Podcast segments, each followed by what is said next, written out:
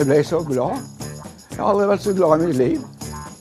Charles fikk bo med kona på sykehjemmet. Dette skal flere få mulighet til, lover både Høyre og Arbeiderpartiet. Men pasientombudet er bekymra for det vi allerede i dag mangler plasser til de som trenger det. Er du en av de som blir skeptisk når prinsesse Märtha Louise sier hun er høysensitiv? Vel, hør på dette. Jeg blir en bedre toppleder av å være høysensitiv, sier den mannlige konsernsjefen som kommer hit. Og Trygve Slagsvold Vedum har all grunn til å glede seg over meningsmålingene. Men Senterpartilederen syns han burde tatt mer av. Jeg er egentlig nesten, nesten litt frustrert over at jeg ikke er litt mer glad. jeg burde egentlig jubla litt mer. Velkommen skal du være til ukeslutt. Jeg heter Ann Kristin Listøl. Og vi starter med Charles på 94 år var kanskje Norges lykkeligste mann da han denne uka fikk beskjed av Arendal kommune om at han likevel får bo sammen med kona si Gunvor. Så lot det siste ljuva åren bli det beste i vårt liv. Jeg ble så glad. Jeg har aldri vært så glad i mitt liv. At jeg skulle få lov å bo sammen med min hustru igjen. Og slippe å gå fra henne hver eneste kveld klokka syv og hjem i mitt eget hus for å sove alene. Nå slipper jeg det. Saken om ekteparet fra Arendal som ikke fikk bo sammen på sykehjem, har rørt mange folk denne uka. For siden Charles ikke er syk nok, har han ikke rett på sykehjemsplass. Selv om han altså ønsker å bo sammen med hun han har vært gift med i 67 år. Det er Agderposten som har omtalt dette i ei rekke saker. Men denne uka så snudde kommunen etter at helseministeren sa at det var lov til å bruke sunn fornuft, og det gjorde han i beste sendetid på riksdekkende TV. Og plutselig, nå vil både Høyre og Arbeiderpartiet at langt flere skal få lov til å bo sammen på denne måten. Helse- og omsorgsminister Bent Høie, du oppfordrer nå alle kommuner til å gi en samboergaranti. Hva betyr det? For det første så mener jeg det jeg sa på Dagsrevyen, at uh, dette burde egentlig være unødvendig å regulere, fordi dette handler om å bruke sunn fornuft. Uh, og det bør en ikke ha behov for en lovregulering for å gjøre. Men uh, nå er det sånn at Høyre, Fremskrittspartiet, KrF og Venstre har fått vedtatt en individuell rett til sykehjemsplass for de som har behov for det. og Det betyr òg at vi pålegger alle kommunene å lage en lokal forskrift hvem som denne retten skal omfatte. Og I den sammenheng så mener jeg at det er helt naturlig at eh, kommunestyrene òg sier noe om at i de tilfellene der begge to har behov for hjelp og har ønsker å bo sammen, så bør en legge til rette for det. Så sagt litt enkelt, Eh, en ektefelle bør få lov til å bo sammen med partneren på et sykehjem, selv om personen kanskje ikke har krav på sykehjemsplass? Ja, eh, i, den, i de tilfellene der eh, det er ønskelig, og det er det som er viktig for den, for den enkelte. Og så vil det òg ofte da være sånn at da har sannsynligvis begge to òg behov for noe hjelp. Det er veldig sjelden, Jeg tror det vil være sjeldne tilfeller der en person som er, klarer seg veldig godt alene, ønsker å flytte inn på et uh, sykehjem klar nok tale. Torgeir Micaelsen, stortingsrepresentant for Arbeiderpartiet. Du syns ikke at dette her er å gå langt nok. Hvor langt vil du gå? Jeg vil at vi i Stortinget gjennom forskrift eller endring av regelverket lager en nasjonal eh, rettighet der eh, ektefeller, livsledsagere, samboere på slutten av livet som i noen helt, eh, som helseministeren påpeker, noen helt Eh, særskilte tilfeller eh, ønsker å bo sammen de siste månedene, ja, kanskje et år da, av livet, eh, skal få anledning til det innenfor gitte vilkår. Og Saken fra Arendal viser jo at kommunene i dag må forholde seg til et regelverk som er uklart, som ikke er helt enkelt å tolke. Fordi sunn fornuft er veldig for, men problemet med å bare ha sunn fornuft i diskusjonen om det som er veldig veldig viktig i mange, eller ja, noen personers liv, det er at det kan åpne for forskjellsbehandling, og det vil vi jo heller ikke ha. Så jeg mener at eh, det Høie sier, det er bra, men la oss ta det et skritt lenger og etablere en sånn type nasjonal regel som vil gjelde for alle kommuner. Så forfriskende. Dere to vil det samme, men den ene vil at det òg skal være en rettighet. Så vi har to helsepolitikere fra hvert sitt parti som vil det samme. Og da kan vi jo tenke at eh, pasient- og brukerombud Annelise Christensen her i Oslo og Akershus vil juble, men du er likevel litt bekymra. Hvorfor? Jeg er litt bekymra, men først må jeg jo få si at det er klart at vi også ønsker at eldre mennesker som ønsker det og har behov for det, skal få bo sammen de siste årene av sitt liv. Og det er jo en fantastisk historie vi har hørt fra Arendal som, som vi er glad for å høre at man har funnet en god løsning. Det som bekymrer meg litt, er at jeg mener at dette handler om langt mer enn både sunn fornuft og forskrifter. For vi har jo en helt reell bekymring for om de som faktisk trenger sykehjemsplass i dag, får det. Og Da handler det om et prioriteringsspørsmål også ute i kommunene. Og det hjelper ikke med ord på papiret eller anvisninger fra en helse- og omsorgsminister eller andre politikere på Stortinget hvis du sitter og har mangelfulle ressurser ute i kommunen. Og Det er en utfordring som jeg tenker at man må snakke om, samtidig som man stadig gir nye rettigheter. Så hva kan konsekvensen bli da hvis stadig flere nå ønsker å få være sammen med partneren sin, men kanskje ikke er syke nok? Altså Det vi ser i Oslo, hvor man har innført i 2011 en tilsvarende samboergaranti, dog i litt sånn kortere tidsperioder, der er det snakk om å få det for to og to måneder av gangen, er jo at det er svært, svært få som bruker den. Og det tenker jeg skyldes at det, det snakkes ikke om. Innbyggerne i Oslo kjenner ikke til denne ordningen, og man er ikke flinke nok ute i kommunen til å informere om den. Men er du bekymra for at folk nå kan få rett til å være sammen med partneren sin på et sykehjem og gå foran andre i køen, som har en reell behov for den plassen?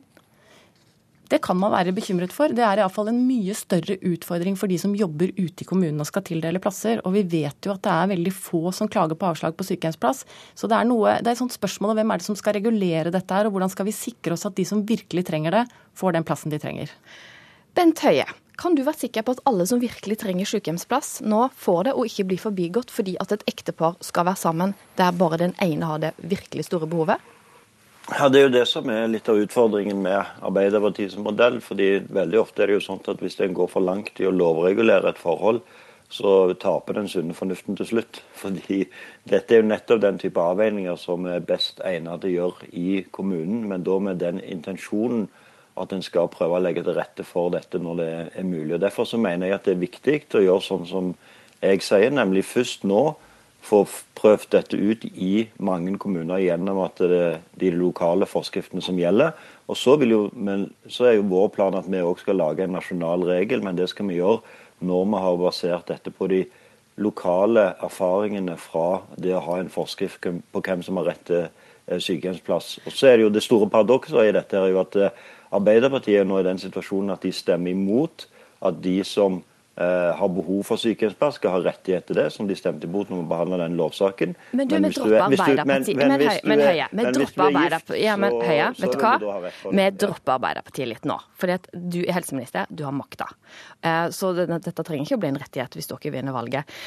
Men du vil at kommunene skal gi denne samboergarantien. Og da er spørsmålet, kan du være sikker på at alle som virkelig trenger sykehjemsplass, får det og ikke blir forbigått fordi at et ektepar skal være sammen der bare den ene har det virkelig store behovet? Det vil jo være sånn som i Arendal eller andre steder, der egentlig begge to har et eh, behov, eh, men der kommunen da av en eller annen eh, grunn ikke klarte å legge til rette for at disse to kunne bo på samme rom og på samme institusjon, men at kommunen skulle kjøre de fram og tilbake mellom to ulike institusjoner. Det var da jeg ba Arendal kommune bruke sunn, sunn fornuft. Også, men der hadde kommunen det, og så fylkeslegen faktisk sagt at det er mange som står i kø for å få en sykehjemsplass, og det er den enkeltes behov som blir lagt til grunn. Så kan du være sikker på at ingen kommer til å gå foran i køen når du oppfordrer alle til å bruke sunn fornuft, og at altså alle samboere skal få være sammen? For det er, det er, den enkeltes eh, behov som eh, skal være eh, viktigst til slutt. Og da er det jo sånn at På veldig mange steder så vil det være mulig at et ektepar bor sammen på samme rom. Og Jeg syns det er et stort paradoks at kommuner plasserer to vilt fremmede eldre på samme rom mot deres egen vilje, men i andre sammenhenger sier nei til at ektefeller kan bo sammen på, på samme, samme, rom. Og det er jo sånn at nå at De fleste sykehjem som er moderne og, og, og, rehabiliterte, de har plass til at du kan bo to stykker på det rommet. Da bør det ikke være noe problem. Og Da skal vi slippe til Arbeiderpartiet og Torgeir Micaelsen, for dere kan jo faktisk ende opp i regjering. Hvordan kan du være sikker på at dette her ikke fører til at folk som står i sykehjemskø, ikke får plassen de trenger?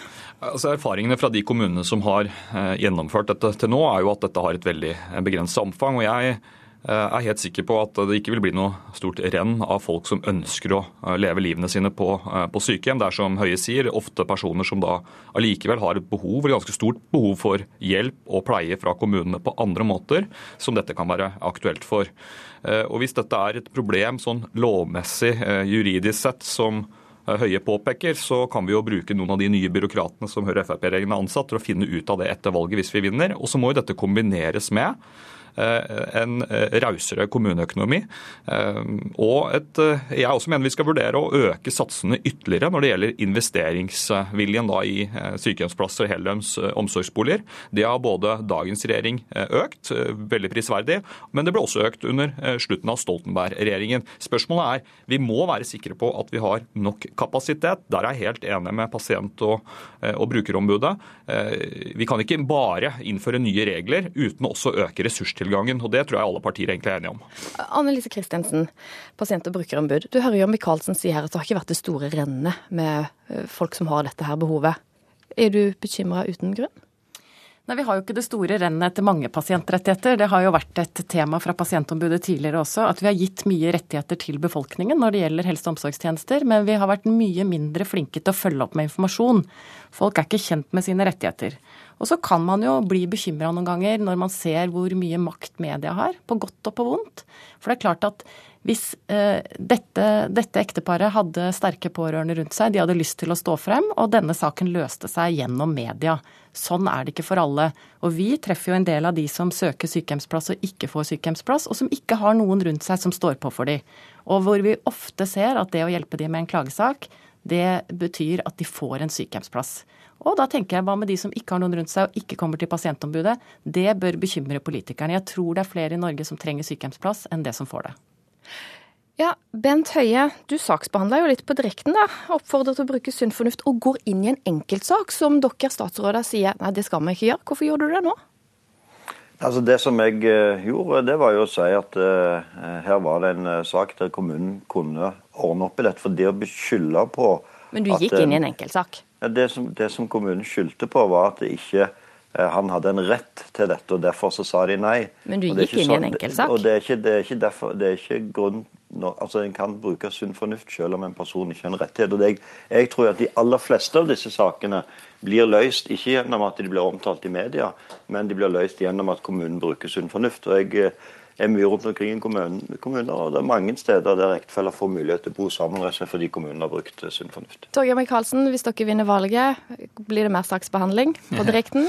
Nei, altså jeg, registrerte det helseministeren gjorde, og jeg forutsetter at eh, neste gang det er en Høyre-styrt kommune f.eks., at han er like interessert i å uh, fremheve det sunne fornuftet. Jeg tror nok den saken var vanskelig for kommunen, bl.a. fordi regelverket er uklart, og de var redde for å forskjellsbehandle mot andre. og Da synes jeg kanskje at dagens regjering bør nå se på hva er det de kan gjøre, og hjelpe kommunene med, og invitere Stortinget til å eventuelt bevilge mer penger, eh, rausere ordninger, enn å ja, dytte en del uh, lokalpolitikere og andre som står i vanskelige avveininger, uh, foran seg og saksbehandle dette på, på direkten. Det Men, håper jeg vi kan unngå for framtiden. Ja. Men uh, i motsetning til Arbeiderpartiet så har jo vi gjort det nettopp gjennom at vi har fått vedtatt en rett til sykehjemsplass, der kommunene, alle kommunestyrer nå i landet skal vedta en forskrift som beskriver hvem som har rett til denne plassen. Eh, da slipper vi til pasient- og brukerombudet. For det er tydelig at valgkampen den er i gang. Men til folk som sitter hjemme, kanskje har behov for en sykehjemsplass nå. Anne Lise Christensen, hva er ditt råd til de folka som ikke blir hørt? Altså, til alle som eh, oppfatter at de trenger en sykehjemsplass, så har de jo en rett i dag òg, hvis, eh, hvis helsesituasjonen er sånn at de faktisk ikke klarer seg hjemme. Det er det viktig å understreke. Eh, og så tenker jeg at folk må søke når de trenger det. Vi opplever jo, og det gjør de i resten av landet òg, telefoner fra mennesker som forteller at de blir rådet bort fra å søke fordi de antageligvis ikke vil få innvilget. Og så må de, hvis de får et avslag, så må de få hjelp av fastlegen og andre til å begrunne hvorfor de trenger det, og så må de klage. Det er faktisk sånn at én av tre som klager til Fylkesmannen, som dessverre er veldig få, de får omgjort og får sykehjemsplass. Og det viser nok at terskelen er for høy i enkelte kommuner i Norge. Da tar vi oss med oss den oppfordringa fra deg, Annelise Christensen, pasient- og brukerombud i Oslo og Akershus, og sier takk til deg. Og òg til helse- og omsorgsminister Bent Høie, og til Torgeir Micaelsen, stortingsrepresentant fra Arbeiderpartiet. Ordfører i Arendal kommune han hadde ikke anledning til å være med i denne debatten i dag. Han hadde nei-dronninga Anne Enger Lønstein i glass og ramme på veggen allerede som 13-åring. Nå har Trygve Slagsvold Vedum sjøl leda Senterpartiet til høyder som partiet ikke har sett siden 20 år siden. Ukeslutts reporter Åsa Vartdal hun fulgte den danseglade 38-åringen fra Stange, som virkelig forsvingte seg om dagen. Du er klar, Trygve? Ja. ja da sier vi én, to og tre. På årsmøtet, det er eh, Nei, nå må vite igjen. Grunnlovsfedrene Falsen og Kristi ser ned på ham fra veggen på Stortinget, der Senterpartiets store stjerne spiller inn videohilsener til fylkeslag som ruster seg til valgkamp.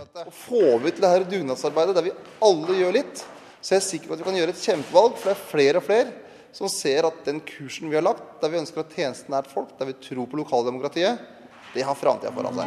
Det skulle bo folk i husan, husan er som folk. Det er det han vil. At folk skal kunne bo der de bor. At de i større grad skal få være med å bestemme hvordan de skal ha det. Helst uten for mange ulver luskende rundt husveggen. Det er folkesuverenitet vi bygger på, og da må man eh, Hvis man har tro på den ideen, som jeg tror egentlig alle har, hvis man tenker seg litt om, så må man jo legge det til grunn. At det er folket som er sjefen, ikke vi som er sjefen til folket. Det er fylkeskommuner, fylker. Nok et intervju for han som har ledet Senterpartiet til nesten 10 på meningsmålingene. Jeg er på hæla hele tida, så vi må bare kjøre på, Rune. Dessverre.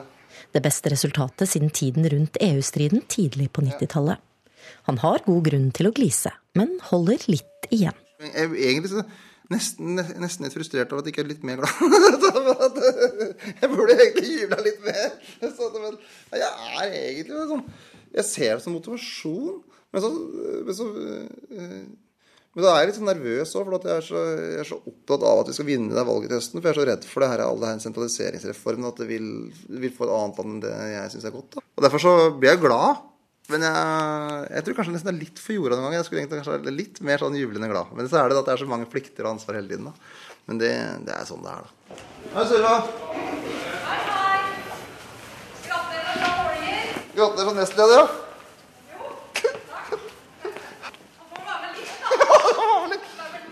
Sylva ha blitt nestleder i Hedmark Hamar Arbeiderparti. I gangen møter han felles hedmarking og arbeiderpartipolitiker Sylvia Brustad, som er på vei inn igjen i politikken. Nei, men Arbeiderpartiet og Senterpartiet er jo bra team, det altså. Så, Er du fornøyd med han, eller? ja, han er absolutt flink, altså. Han er selvfølgelig feil parti, men vi samarbeider kjempegodt. Så det går helt fint. Han gjør en kjempejobb. Det er bra. Lykke til. Hei, hei. Håpet er ny regjering fra høsten, sammen med nettopp Arbeiderpartiet. Det han kaller eliten innafor Ring 3, skal få merke det. Det er ikke bare ulven Vedum vil felle. Er du, er du bekymra for Senterpartiets fremgang? Nei, jeg er ikke bekymret for, for Senterpartiets fremgang, fordi jeg vet at våre løsninger er bedre. Det som vanligvis er, Senterpartiet sier nei eh, til de endringene som gjør at Norge blir bedre. Vedum må få ti sekunder Ja, til vi sier ja til det mangfoldige Norge, og det fantastiske med Norge er at vi har tjenester nært der folk bor, og det tror vi på. Og da må regjeringa slutte med denne ensidige sentraliseringen. Mot Erna? Solberg i Politisk kvarter denne uken. Han liker å stå i stormen, og klinker gjerne til. Det meste går greit. Så lenge du ikke sårer for mange på din vei. Og hvis du har såra noen på din vei, så er det utrolig lurt å bare si unnskyld etterpå. Du sårer eliten av og til. Ja, men de er egentlig ikke så veldig såre, egentlig. Altså, jeg tror de, de tåler veldig bra at Jeg tror Erna Solberg hun skjønner veldig godt at jeg er i opposisjon til hennes politikk. Men kommentatorer og meningsmotstandere antyder også at nasjonalismen han står for, minner om den til Sverigedemokraterna og Donald Trump. Jeg, jeg mener ikke at det er noe gærent å ha en stolthet og en god nasjonalfølelse og glad i 17. mai og alt det, det vi forbinder med det. For dette Poenget er at vi trenger hverandre, uh, uavhengig av land. Men vi tror at det er klokt at eh, beslutningene tas eh, for den norske befolkningen. Mest mulig skal tas i Stortinget og i Norge. Og at f.eks. for den svenske befolkningen at mest skal tas i Sverige. Halla, gladgutten. Det er Bård her. Hei, hei, hei. Har du lest deg opp på nyhetene, eller har du, føler du at du kan alt? I sminken før opptak til Nytt på Nytt. Han har ikke rukket å forberede seg så mye, men har et S i ermet. Nei, men Så lenge du ler sånn, så holder det, da. Jeg er ikke sånn one-liner-konge eller sånn vitsemester. Eh, Men, eh, men jeg har skjønt eh, at bare latteren min i seg sjøl kan skape latter. Så det er bra. Så at hvis jeg liksom innenfor nytt på nytt kan le, og gjennom det at det oppleves som en form for humørspredning, så er det fint. Og vi har nemlig Dagens gjester er Senterpartileder Trygve Slagsvold Vedum og programleder fra Bergen, Åmås Lindeide. Sirkuset er i gang, og han vet det kommer til å bli mange harde runder i manesjen i månedene fram til valget. Nettopp da vil bonden prøve å være ekstrajorda. Jeg er så heldig at jeg trives så godt å gå ut i mørket. Det høres litt sørgelig ut, men det å se på nattehimmelen nå på vinteren, det er noe av det fineste jeg kan gjøre. Og det kan anbefales til alle. Hvis det er lenge siden du har sett på stjernene, så bare gå ut og se på stjernene. Og nå, altså nå har vi hjemme en sånn perleugle som driver og synger litt i nærheten. Hvis du hører den ugla, du har den der lyse vinternatta, det er veldig gøy. Folk treng hus, og hus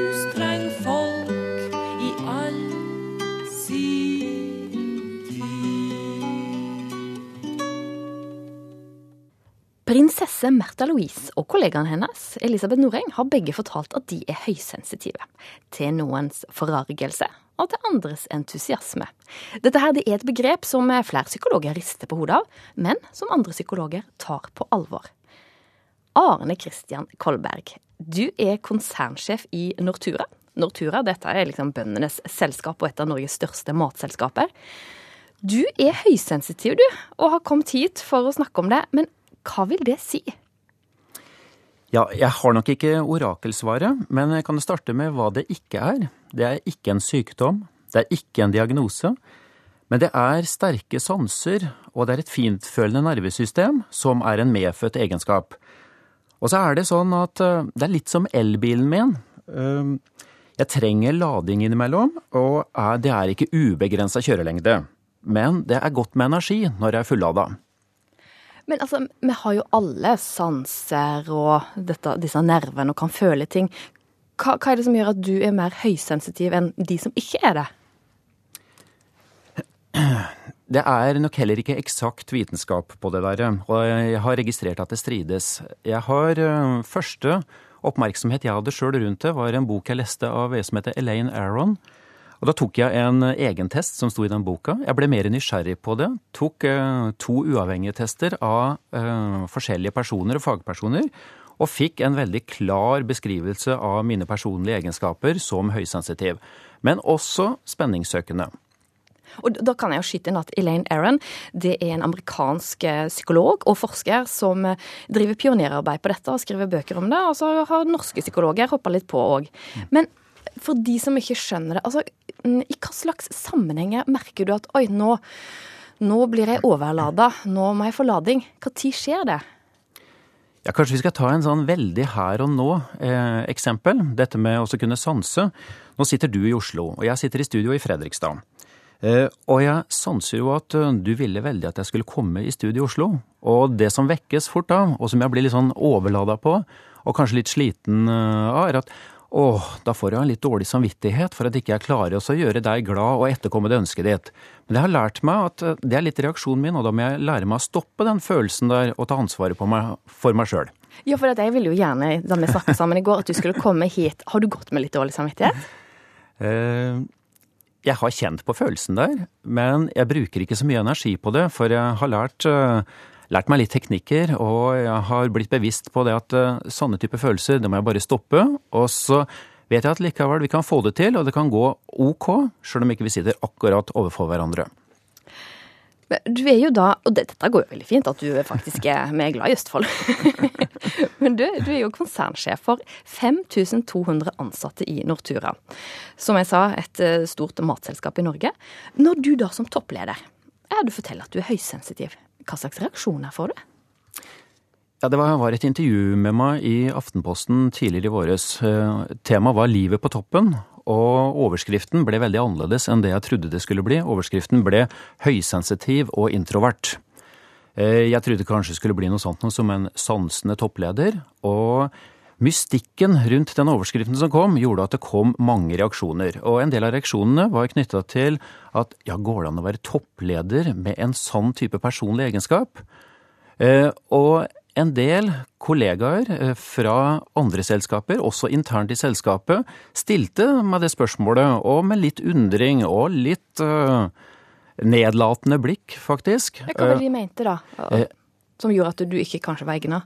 Opplevelsen om at eh, høysensitivitet har noe likhetstegn med svakhet eller sarthet, og dermed ikke styrke nok til å utøve en topplederstilling, var kommentarene. Og hva svarte du de da? jeg kjenner meg sjøl såpass godt nå at eh, jeg tenker at eh, de sansene jeg har der, det gjør at jeg faktisk har en solid magefølelse og sterk intuisjon. Og det mener jeg er viktige egenskaper som leder, i tillegg til selvfølgelig å ha med de kalde fakta i alle sakene som vi behandler. Eh, og, eh, og, så tenkte jeg på en bok som eh, Katrine Aspås har skrevet, som heter Raushetens tid. Og jeg mener jo at hun visste fram at kanskje morgendagens lederskap handler om akkurat de egenskapene der. Å vise en form for sårbarhet og sterk intuisjon. Ja, for, sånn, for, dette her da med å være toppleder. Du, du, mener, eh, som jeg sa i starten av sendinga, at du mener at du kan bli en Det gjør deg til en bedre leder å være høysensitiv. I ditt daglige toppledergjøremål, hva er det som gjør at du fanger opp ting som gjør deg bedre? Med de sterke sansene så har jeg en egenskap hvor jeg klarer også å fange sinnsstemninger eh, hos enkeltpersoner, i grupper, i omgivelser som vi opererer i. Og det å kunne forstå omgivelsene sine, forstå menneskene som jeg har rundt meg, er en viktig egenskap som jeg tar med meg og bruker. Klarer du å fange min sinnsstemning nå? Hæ, hæ, hæ. Nå er det ti mil mellom Fredrikstad og Oslo. Men eh, jeg senser jo at du er i godt humør i dag. Du er kanskje alltid litt spent før en sending sikkert, men i godt humør opplever jeg deg som. Ja, jeg tror du, tror, tror du traff der. Men eh, sånn avslutningsvis, da. Altså, dette du var inne med, med at høysensitive kanskje får litt oftere dårlig samvittighet. Om man ikke er høysensitiv, så tror jeg mange mennesker kan kjenne seg igjen. Oi, for dårlig samvittighet. Du har lært deg noen teknikker. Hva er teknikken for å unngå dårlig samvittighet hvis du får det litt for lett? Eh, det er bevisstheten på at eh, jeg er sjøl ansvarlig for meg sjøl. Samtidig så må jeg finne ut hva som lader og fyller opp. Og for meg så har det blitt tre elementer. For det første så trenger jeg en virkelig meningsfull jobb. Jeg føler at å jobbe i Nortura er en virkelig meningsfull jobb. Det andre er at jeg trenger harmoni og vennlighet rundt meg i det private. Og naturen er en god ladekilde for meg. Ja, For når du er helt tappa og trenger å booste deg, hvor går du da? Nei, Da er naturen en god kilde. Det handler om gåtur, joggetur, eller som i dag hvor jeg mm, hogger ved med sønnen min i skogen. Eller en kajakktur er jo kanskje det ultimate. Arne Kristian Kolberg, tusen takk for at du kom hit og eh, fortalte om hvordan det er å være høysensitiv. Trenger du nå å springe ut i skogen og avreagere, eller? Nei, jeg trenger ikke det nå. Jeg har god lading nå. tusen takk for at du var med. Selv takk. Bli med videre i ukeslutt og hør at Donald Trump truer med at USA vil redusere bidraget sitt til Nato hvis ikke de andre landene betaler mer. Men kan Norge forsvare seg uten amerikansk hjelp? Er bare å være nådeløs nådeløs og holde på dere har vunnet. For sølvmedaljer i krig, det holder ikke.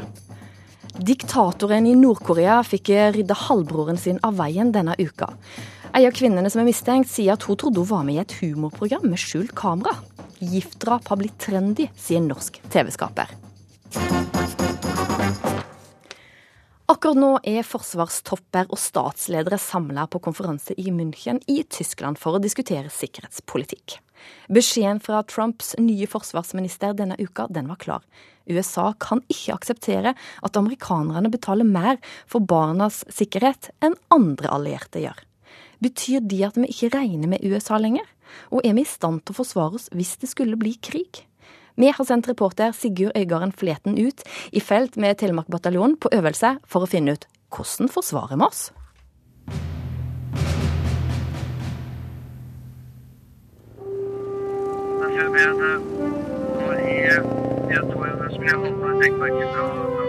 I den vinterkledde skogen utenfor Rena foregår det en nådeløs duell mellom to kompanier av norske strids- og panservogner. Altså man må være nådeløs hvis du først skal i krig. Er bare å være nådeløs nådeløs og holde på til dere har vunnet. For sølvmedaljer i krig, det holder ikke. Men vi sitter trygt og varmt og følger med fra ledelsesvogna til Terje Bruegard, som er sjef for Telemark bataljon. Vi leker vinterkrig, og herfra kan det føles litt som et dataspill. Da har du forskjellige skjermer her som gjør at vi kan følge, følge striden. Alle blå prikkene du ser her, det er mine styrker. Og han som sitter i forsvaret her nå, han er livredd for at han, motstanderen har klart å omgå han i flanken. Du, Nå begynner det å dukke opp flere fiender her? begynner å dukke opp veldig nære oss. altså vi er jo her. Akkurat nå flytter fienden seg mot oss, og klimakset i kampen nærmer seg. Nå må vi snart bemanne tårnet. Det vi øver på, er stridsvogn mot stridsvogn i norsk vinterskog. Men er det sånn en krig på norsk jord ville sett ut i år 2017? Sånt forsker man på ved Institutt for forsvarsstudier. Og her treffer jeg stipendiat Håkon Lunde Saksi. Så i den grad det ville komme noen form for landmilitær invasjon av Norge i en sånn konflikt mellom Norge og Russland, som igjen da er usannsynlig, men ikke utenkelig, så vil de da antageligvis begrense seg til å besitte, ta i besittelse mindre deler av norsk territorium. Han understreker at norske myndigheter ikke anser at Russland har intensjoner om et angrep i dag. Ifølge Lunde Saksi er det lite sannsynlig at store mengder stridsvogner ruller over grensa fra Russland, slik man fryktet under den kalde krigen. Et mulig scenario er at grønne menn, soldater uten kjennetegn og emblemer, dukker opp på flyplasser og militærbaser, slik vi så i Ukraina i 2014. Eh, Personer som det er uklart om er ikke-statlige aktører, eller om de representerer en fremmed stat. Eh, Og de kan like fort forsvinne igjen når krisen har blåst over og det hele har fått sin en løsning. da. Eh, Ja. Så, så det her er krevende for norske myndigheter å håndtere. Denne uka var USAs ferske forsvarsminister James Mattis sammen med de andre forsvarsministrene i Nato i Brussel. Our community of nations is under threat on multiple fronts as the arc of insecurity builds on NATO's periphery and beyond. Og han ga klar beskjed om at USA kan finne på å redusere sitt bidrag til Nato om ikke flere er med på å dra lasset. Om Norge skulle oppfylt Natos mål om å bruke 2% av bruttonasjonalprodukt på forsvar, så måtte vi ha brukt 13 milliarder mer i året. De nye norske kampflyene blir trolig tre ganger så dyre i drift som de gamle F-16-jagerflyene. Tolv rakettsystem står eh, på lager ubrukt. Disse rakettene har en verdi på halvannen milliard eh, kroner. Riksrevisjonen har avdekket alvorlige mangler ved de fem norske fregattene. Store, omstridte investeringer har tatt mye av forsvarsbudsjettene. Milliardbaser har blitt lagt ned, og Forsvarets størrelse har blitt kraftig redusert siden den kalde krigen. Er Norge i stand til å forsvare sine grenser? Terje Bruegard, sjef for Telemark bataljon, mener hæren burde vært større. Hæren, når jeg begynte i, Hæren i 1993, så hadde vi 13 brigader. Nå har vi én. Og vi har gått fra 160 000 til 10 000 i Hæren. Så vi er, vi er små. Samtidig så er det vi gjør nå, kvaliteten på eh, soldatene mine, på lederne mine, det er mye, mye bedre enn det noensinne har vært. Men vi er vel på et kritisk minimum med det vi har i dag. Det er vel lov å si. På øvingsfeltet i Rena begynner det å gå veien for vårt lag. En av fiendens offiserer er tatt til fange, og vi har fått hendene på deres planer. som gjør at vi nå kan vite hvor de skal skyte artilleri, så vi kan flytte oss når de skyter på oss. Det gir oss en enorm fordel, for da treffer de oss ikke. Én for én blir fienden plukket ut av våre stridsvogner. Terje Bruegard mener at stridsvogner egner seg godt til dagens trusselbilde. Nå har jeg jobba med det her i 23 år. Det er min faglige vurdering at eh, stridsvogn er den ultimate kampplattformen for hærstyrker. Det koster altså ikke mer å drifte en stridsvogn i året enn lønna til tre forskere eller stabsoffiserer eller eh, ansatte i kommunen for den saks skyld. Det er altså like dyrt å drifte tre stabsoffiserer som en stridsvogn, mener Bruegard. Der er du og Mattis der, ja. Nei, Det er under et besøk eh, i hovedkvarteret hans i, eh, i Norfolk. Og det er nettopp to sånne stabsoffiserer jeg ser på bildet av nå. Tidligere forsvarssjef Sverre Disen kjenner USAs forsvarsminister James Mattis godt. Disen mener ikke at stridsvogner er nøkkelen til å forsvare Nord-Norge. Alle soldater eh, har et kjærlighetsforhold til plattformene sine. Eh, de er mye mer opptatt av plattformen i seg selv enn av våpenvirkningen i den andre enden. At å tro at man skal kunne forsvare Finnmark med eh, skal vi si, tradisjonelle bakkestyrker som skal holde liksom, terreng, eh, når de også i utgangspunktet skal flyttes eh, flere hundre kilometer, det er et lite gjennomtenkt konsept. Disen mener pengene heller bør brukes på mer avansert teknologi. Tilbake på øvingsfeltet utenfor Rena. Fienden fikk inn en lei kilevink før vi fikk satt dødsstøtet. Et artilleribombardement mot kommandoposten vår har skadd flere soldater, og nå må de lappes sammen.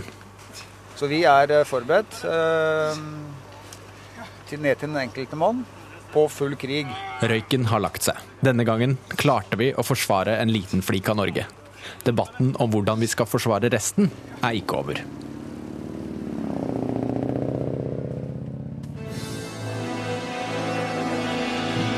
Han var diktatorens uekte sønn som falt i unåde.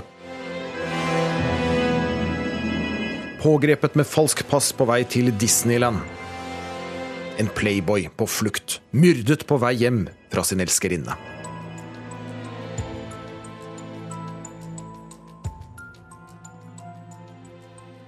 Dette er ikke fiksjon, men titler fra nyhetssaker denne uka. Men det kunne jo vært som henta ut av en spionfilm, da halvbroren til Nord-Koreas diktator ble spraya med gift og drept på flyplassen i Kuala Lumpur denne uka av eh, noen kvinner. Det gikk ikke lang tid før mange var sikre på at eh, her sto lillebror og diktator Kim Jong-un bak. Og sist av nyheter som kom ut i dag, eh, nå sier den ene arresterte kvinna at hun trodde hun var med i et realityshow. Gjermund Stenberg Eriksen, du er jo tekstforfatter og har skrevet 'Mammon'. Siste utviklinga her, hva sier du? At det er uh, moro uh, hvis du er veldig interessert i fiksjon. Og så er det jo trist for hans familie. Men det er veldig eh, synlig og veldig sånn markering å giftdrepe noe på en flyplass. Med den kanskje morsomste detaljen at det står LOL over hele genseren hennes. Altså 'laughing out loud'? Laughing out loud. Eh, og så blir den spraya i trynet med en eh, flaske. Og eh, hun har på seg noen svarte hansker. Og så er det noen bakfra som tar en klut. Og det, de som har sett sin andel med spionfilmer, vet at en klut mot ansiktet, da skal du enten sove, eller så skal du dø. Eh, det er veldig Det er veldig, det er veldig moro. Og, og ganske spesielt. Ja. Eh, Så vi har òg med Sunn Heidi Sæbø, som er utenriksjournalist i Dagbladet, og forfatter av boka 'Kims lek'. Altså, hva er motivet her? Han må, altså Kim Jong-un har på en eller annen måte irritert seg over eh, halvbroren, som har eh, Det er lenge siden han falt i unåde hos han. Um, og så er det også et spørsmål om det er sånn at han har hatt en slags paranoid frykt for at Kina har sett på denne halvbroren som sånn, et mulig alternativ til han selv. Så han var nok veldig ukomfortabel med at uh, Kim Jong-nam levde dette livet i Kina og gikk inn og ut av kasinoer i Macau og kunne dra over til Fastlandskina når det passa han. Ja, for Hva slags type var denne her halvbroren? Han har egentlig hatt en ganske lik oppvekst i den forstand at han også har gått på kostskole i Sveits. Um, han kom tilbake i Nord-Korea i 1988 og jobba i partiet og i Sikkerhetsdepartementet og på en måte ble skolert til å bli leder. Men han hadde nok en litt for god sans for det gode liv. Um, alkohol, kasinoer osv. Og, så videre, og det ble også ryktet hans, ikke sant. Um, men jeg tror nok at i tillegg til denne liksom Playboy-stilen og det utsvevende livet, så, så er også dette med kontakten han hadde med den eh, onkelen som ble henrettet, og forbindelsen til Kina også en grunn til at han måtte dø. Ja, Eriksen, altså når du da går for et giftdrap i full offentlighet på en flyplass, hva Det- søker du da? Oppmerksomhet. Altså hvis du Vi som eh, liker spionlitteratur og spionbøker og spionserier og spionfilmer, vi vet jo at det er to steder du ikke skal gjøre kriminelle handlinger uh, uten å bli filma. Det er inni en bank, og det er på flyplass. For der har det vært flykameraer i mange tiår. Uh, og så velger de å gjøre det. Det er for å få global attention. Eh, I min bok, altså nå jobber jeg med fiksjon, da, men hvis jeg skulle lage det som et fiktivt plott, så er det for å få oppmerksomhet fra en hel verden og si at her skal noen dø, så alle ser på. På mange måter sånn som skjedde med han i England, eh, Litvinenko, som ble tatt med polonium av Putin. eh, Og døde sakte, og hvor du fikk informasjon om at nå dør han. Han dør fortsatt. Han dør fortsatt. Han angrer ikke. Han dør. Nettopp. Og, og hvis var, hvis alt dette som skjedde var en historie eh, der du var tekstforfatter, hva, hva ville du, denne personen da, ha oppnådd?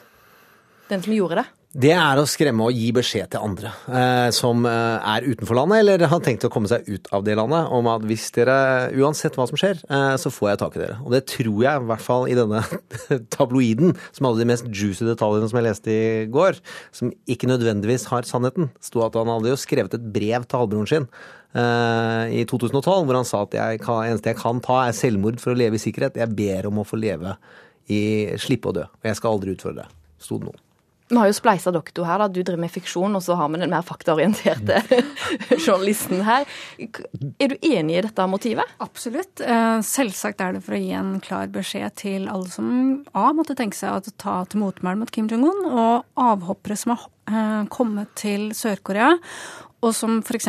gir intervjuer til medier og andre om hvordan det er i, i Nord-Korea. Blant annet så gjorde jo eh, deler av Kim Jong-nams familie nettopp det. De flykta til Seoul, og så ga de en del intervjuer. Og i 1997, var det vel, så ble fetteren hans drept.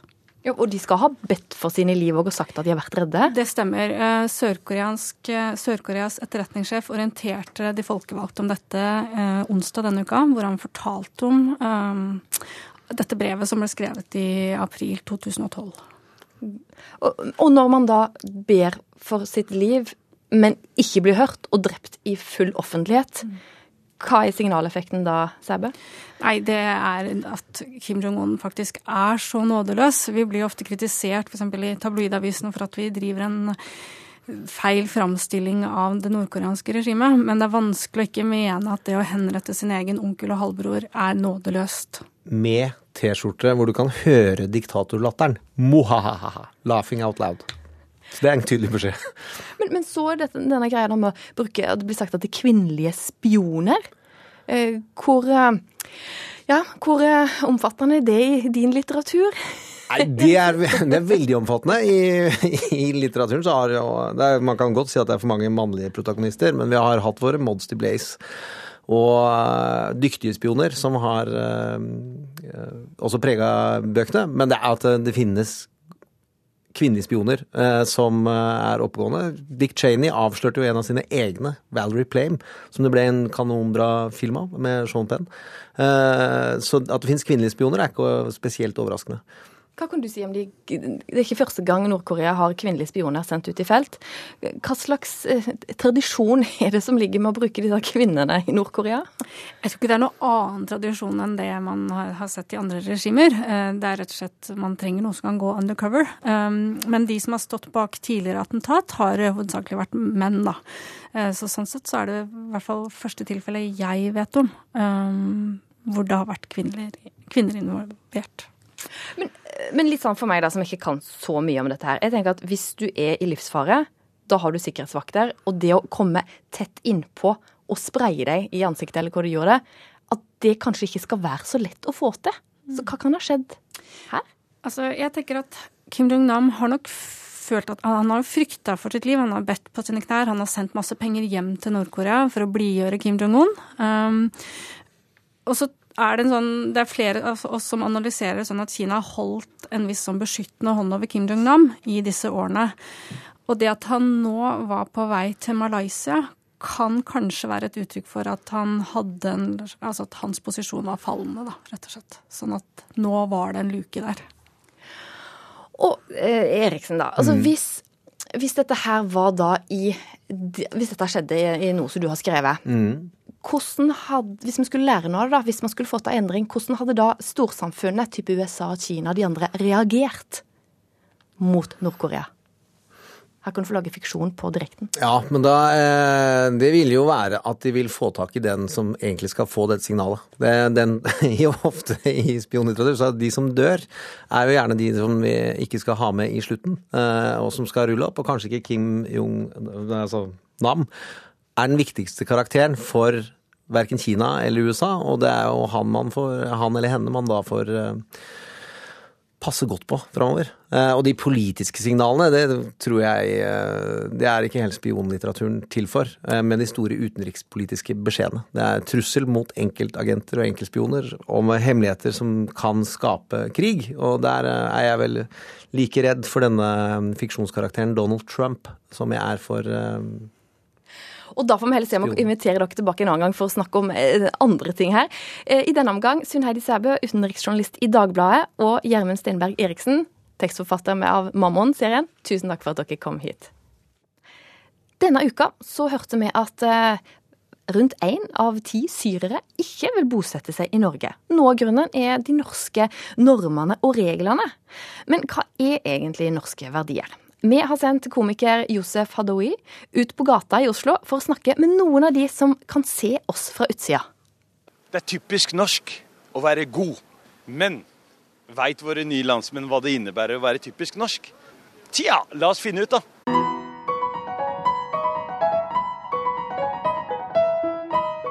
Ski. Ski. Ski. Er du flink til å stå på ski? Nei, nei, aldri har jeg ikke vært i ski. så, så du er ikke typisk norsk? Nei, jeg Typisk norsk at de drar eh, ski og håndball og sånne ting. Det er typisk norsk. St står du på ski? Ja, jeg står på ski en gang i året. Så jeg prøver å tilpasse meg til det norske samfunnet.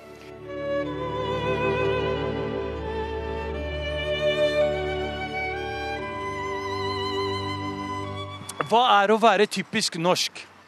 At rett og slett ingen gidder å snakke med hverandre sånn, sånn ute, da. Helt stille. Det er ingenting. Så, så det er typisk norsk å være Være- kald? Ja, være sånn stille. Jeg har ikke lyst til å snakke med andre folk, da.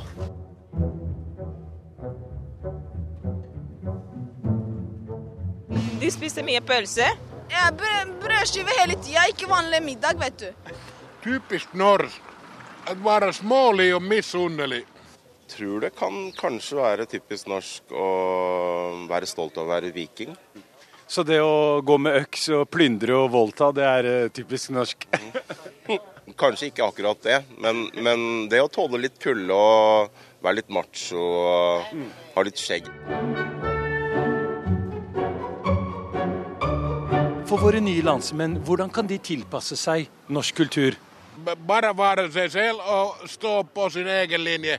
Jeg har alltid vært finne, og jeg har grät mig jævla dålig her i landet, men jeg har selvrespekten i behold. Men eh, asylsøkere og sånn som kommer til Norge, hvordan kan de tilpasse seg norsk kultur best mulig? Det er bare å lære seg norsk. Hvis jeg tenker norske verdier, så tenker jeg fjord og fjell og, og bunader og 17. mai. Og, og så all den gode, grautende norske maten med masse brun saus. Men det er norske verdier, den gode maten som er litt siderumpa.